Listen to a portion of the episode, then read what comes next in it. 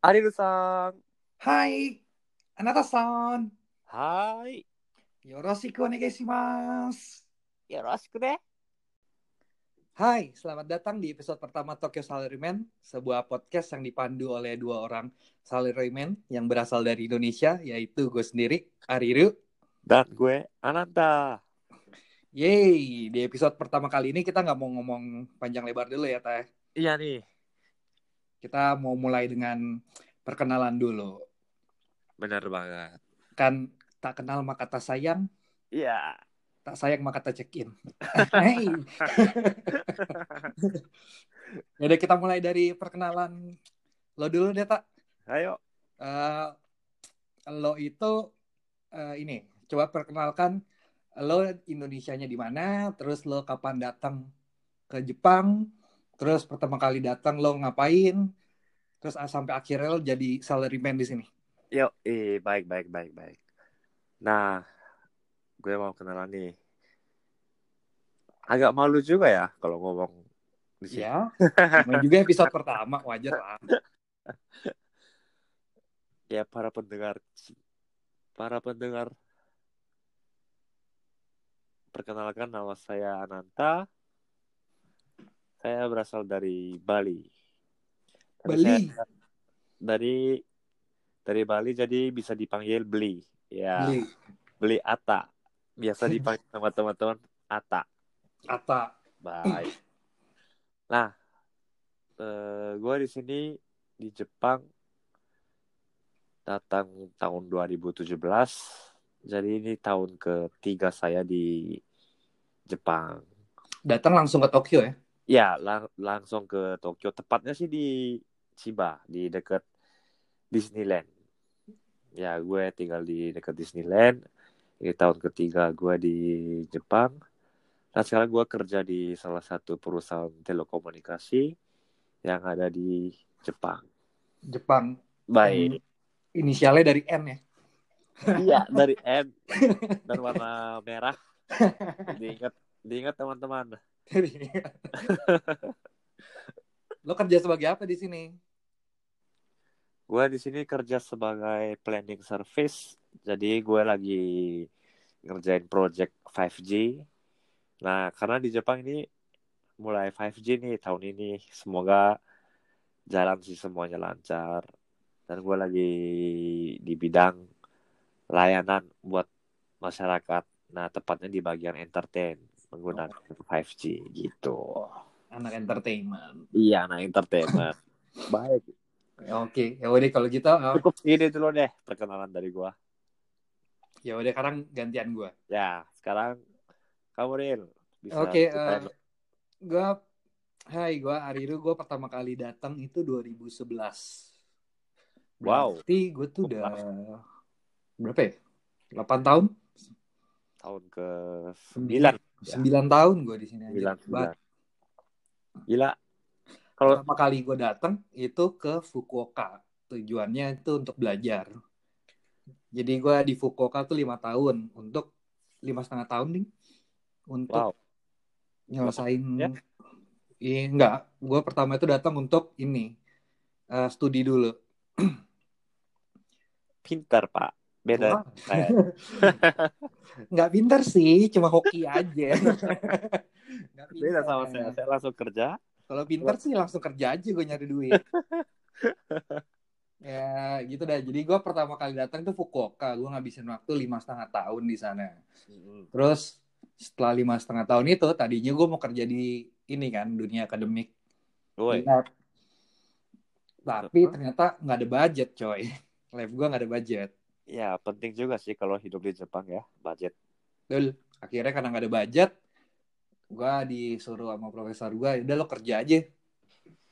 Heeh. Nah, akhirnya gue ini nyasar di nyangkut di Tokyo.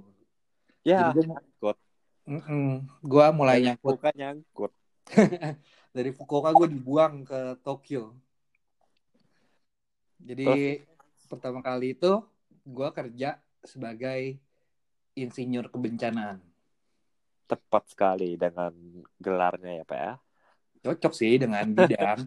Tapi kantornya nggak cocok. itu nanti aja lah. Jadi Jangan topik disebutin di sini dulu. Ya, iya, jangan perkenalan dulu di sini. Ya, em, jadi gue kerja kerjanya sendiri itu gue udah tiga tahun di Tokyo ya. Dan selama tiga tahun itu gue udah kerja di tiga perusahaan. Wow, dalam tiga tahun coy. Dalam tiga tahun coy, itu loncat emang. Jadi gue kantor pertama dua tahun, kantor kedua 10 bulan, terus sekarang nih kantor yang paling baru baru eh sekitar tiga bulanan. Mm-mm. Nah gitu, jadi eh, untuk para pendengar ya, jadi gue dan Ananta ini, gue dan Atta ini udah ya kurang lebih cukup lah ya kalau kita dibilang warga lokal Tokyo lah ya. Iya, cukup lah. Udah lebih dari tiga tahun ya. Ya, Cukup, karena kalau buat kerja aja kan minimal harus punya pengalaman tiga tahun, dua tahun. betul. Ya kita udah sekitar segitu lah, udah udah tahu lah tentang kehidupan hidup pikuknya di Tokyo. Betul, oleh karenanya kita bikin podcast ini ya, kita mau nge-share kehidupan Tokyo yang non Nah. akademik. Nah, bener banget. Yang Betul. Kalau akademik non-akademik, mungkin udah banyak podcast-podcast lain sih yang ngebahas eh, gimana studi mereka di Jepang, betul tapi- banget. Tuh kan, untuk yang nge-share podcast tentang, untuk podcast yang nge-share tentang kehidupan pekerjaan yang kadang-kadang suka bikin kesel, Iya, kesel sih. kadang-kadang suka bikin kesel, ada juga sih tentang hiburan-hiburan para pekerja juga yang bisa kita bahas nanti. Nah, banyak banget pokoknya. Banyak banget ya. Dan juga mungkin tempat-tempat yang biasanya para-para pekerja itu kunjungi kalau di Tokyo. Nah, itu tuh yang paling penting. Betul. Itu yang paling asik di ketimbang di kota-kota yang lain. Betul. Oleh karenanya kita buat podcast ini. Podcast ini kita kasih nama Tokyo Salaryman. Bye, Ariel dan Ananta. Sip. eh, Oh. jadi untuk pembukaannya itu dulu deh. Nanti kalian langsung dengerin aja episode keduanya.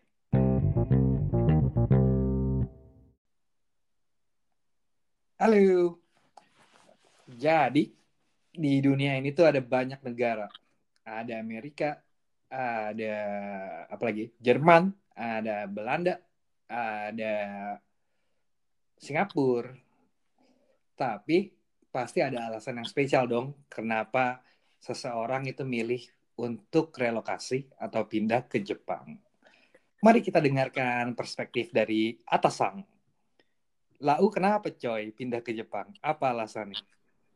Oh, Jepang.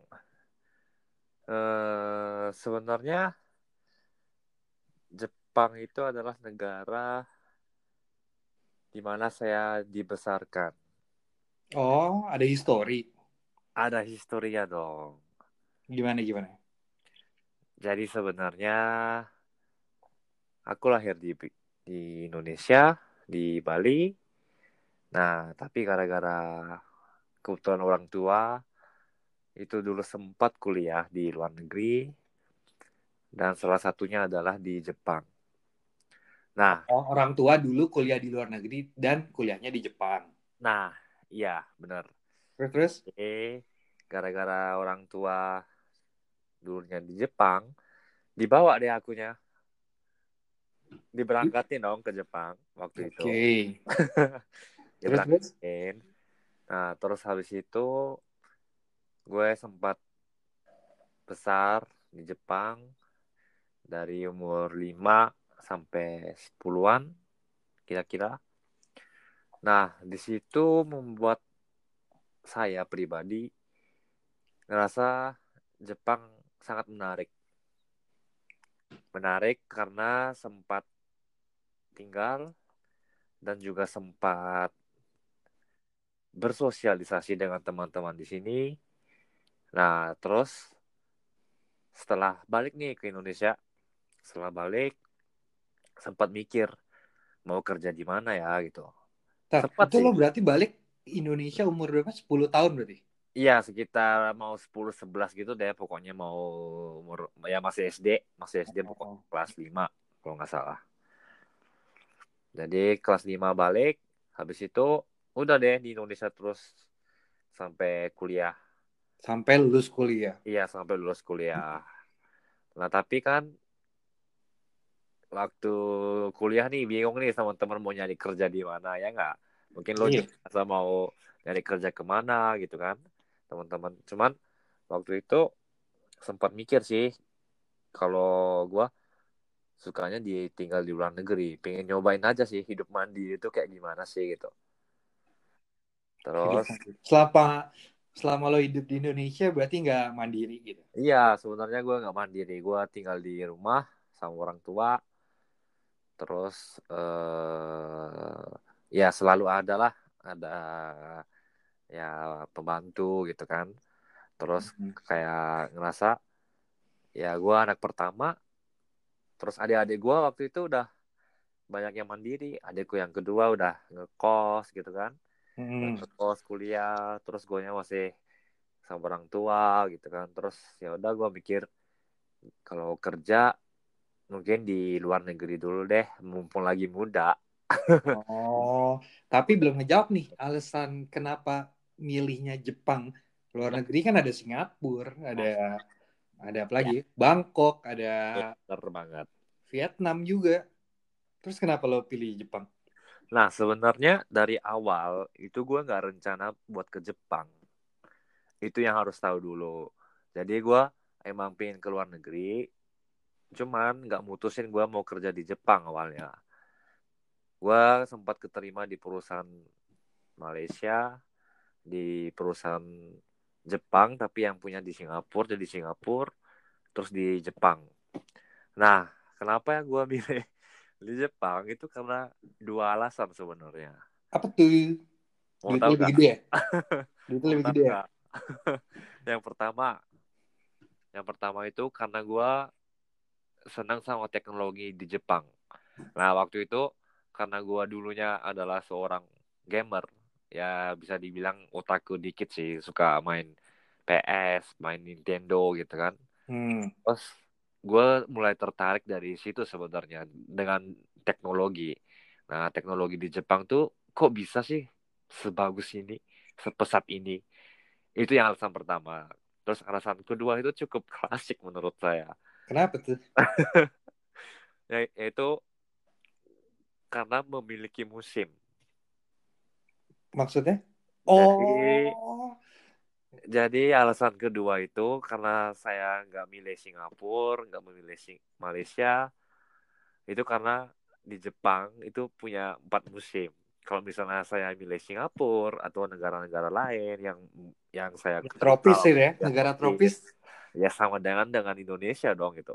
Oh, Nah, makanya eh, Iya iya, Eh, Jepang emang ada empat musim sih. Ada musim apa? Semi, Iya. musim panas, musim gugur, ada musim dingin.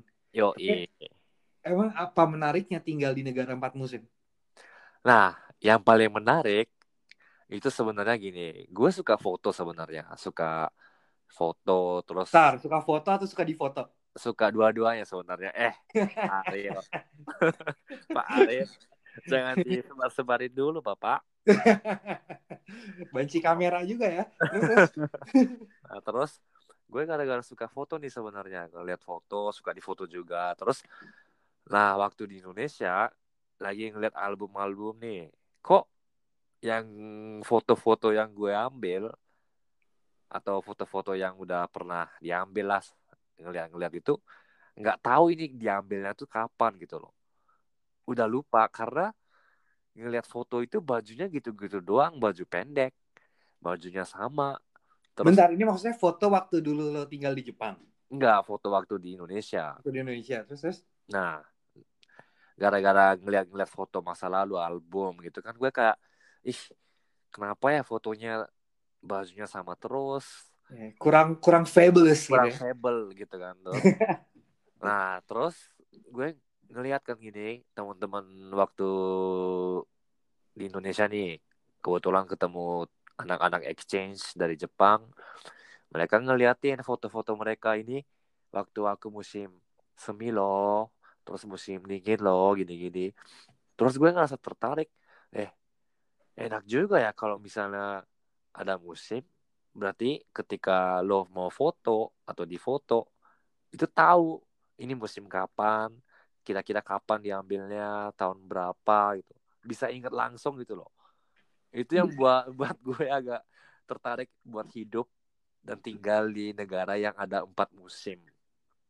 Nah Oh, gitu. itu sebenarnya. Cuman simple banget sih waktu itu nggak nggak nggak terlalu kayak mungkin teman-teman para pendengar. Kayak ngerasa misalnya pingin lihat salju atau lihat sakura seperti itu enggak kalau gue beda gue pingin ngelihat kalau musim dingin itu kayak gini terus musim panas ada kenangan-kenangan seperti ini jadi ada ada di balik musim itu ada hikmatnya gitu loh pak Ada hikmah dan ada memori yang ada bisa memori di- yang bisa terus direkam terus tiap iya musim. Oh. iya gitu Oh. sebenarnya Berarti kalau disimpulin al- dua alasan utama Lau milih Jepang itu karena satu pengen mandiri dari orang tua. Luar Iya. negeri berarti kan. iya pengen Sebenarnya nggak harus Jepang, tapi kenapa Jepang adalah karena empat musim. iya empat musim dan satu lagi Apa tuh? teknologinya tadi Apalagi satu lagi teknologinya teknologinya. Iya, oh iya benar.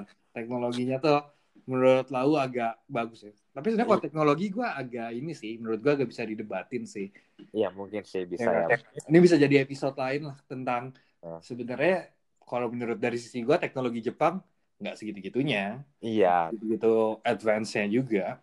masih banyak negara-negara lain yang hebat ya setelah kita tinggal di sini sebenarnya. Iya iya. Itu jadi Kan- pembahasan lain lah. Iya benar. Itu waktu ketika gue memilih Jepang. Jadi itu alasannya sebenarnya. Oke Gitu. oke. Terus kalau Alirusa gimana nih? Iya sih, Bapak sudah di Jepang dari kuliah, tapi kenapa tuh bisa di Jepang kuliahnya? Bisa di- Jadi ceritanya gini, cuma Hmm. ceritanya gini. Begini ceritanya. Agak lama mungkin ya pemirsa pendengar. nggak nggak nggak lama. Siap, siap, Gue akan berusaha untuk nge ini nge ngerangkum-rangkum aja. Jadi awalnya tuh dulu ini sebenarnya nggak harus Jepang dulu awalnya. Jadi tuh dulu kan gue kuliah di Jogja. Yeah. Habis kuliah di Jogja Heeh. itu gue tuh ini apa kerja di tambang Oh. perusahaan tambang di Kalimantan. Hai, hai, hai, hai. Hai dikit ya pemirsa. Jadi setelah gue kerja, waktu gue di kerja di tambang itu, gue tuh melihat dengan kepala mata gue sendiri proses terjadinya longsor. wow. Iya, jadi longsor beneran coy. Yang sampai ke bawah orang gitu. Orang ke bawah longsor gitu. Serius ada orangnya juga. Seriusan coy. Wow. Nah, terus gara-gara itu gue tuh jadi tertarik banget sama yang namanya mempelajari longsor. Wow. Jadi pengen tahu banget mekanisme longsor tuh kayak gimana ya kan. Awalnya dari situ. Hai, hai, hai, hai. Nah, Setelah dari itu gue tuh kayak nyari jurnal, Ya. nyari apa bacaan tentang longsor di internet. heeh. ketemu nih sama satu orang namanya Tetsuya Kubota. Wah, Jepang banget tuh namanya udah ya. Yoi, dia adalah profesor di Kyushu University. Oh. Yoi. Hai, Nah, hai, hai.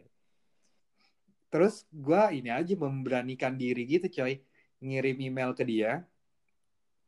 Gue bilang, hey Prof, gua orang Indonesia nih, gua udah baca paper lo, gue tertarik banget nih, apa eh, mempelajari lebih lanjut tentang longsor. Kira-kira ada nggak peluang buat gua bisa belajar dalam bimbingan lo? Kurang lebih begitu lah, gue kirimnya pakai bahasa Inggris tapi Ya, ya, ya, ya, ya, ya. kurang lebih kayak gitu. Ternyata nggak disangka nggak dinyana. Jadul banget bahasa. Nggak disangka gue dapat respon positif dari ini dari profesornya. Berarti Alirusan dibales tuh emailnya ya Dibales, Prof. Wow. dibales sama si profesornya. Tapi dia ngebalesnya nggak ngejanjiin ini, nggak ngejanjiin beasiswa. Hmm, hmm. Jadi kan gue ngirimin email itu adalah perkenalan sekaligus eh, apa namanya rencana riset gitu. Eh, eh, eh, eh, eh. Ya, Bukan dari beasiswa ya, ya. Bukan, tapi gue nanya sih ada nggak peluang beasiswa gitu. Mm-mm. Terus si profesornya balas, "Ki- eh, saya nggak bisa jamin nih kamu bisa dapat beasiswa. Tapi kalau kamu berminat nyoba, ada nih linknya. Dia dia kasih link di email balasannya. Wow, baik banget. Lumayan, lumayan. Gue hoki sih kayaknya. Oh, Soalnya oh. banyak teman-teman lain yang dia ngirim email tapi nggak dibalas kan. Oi, oi, oi. Hai, hai.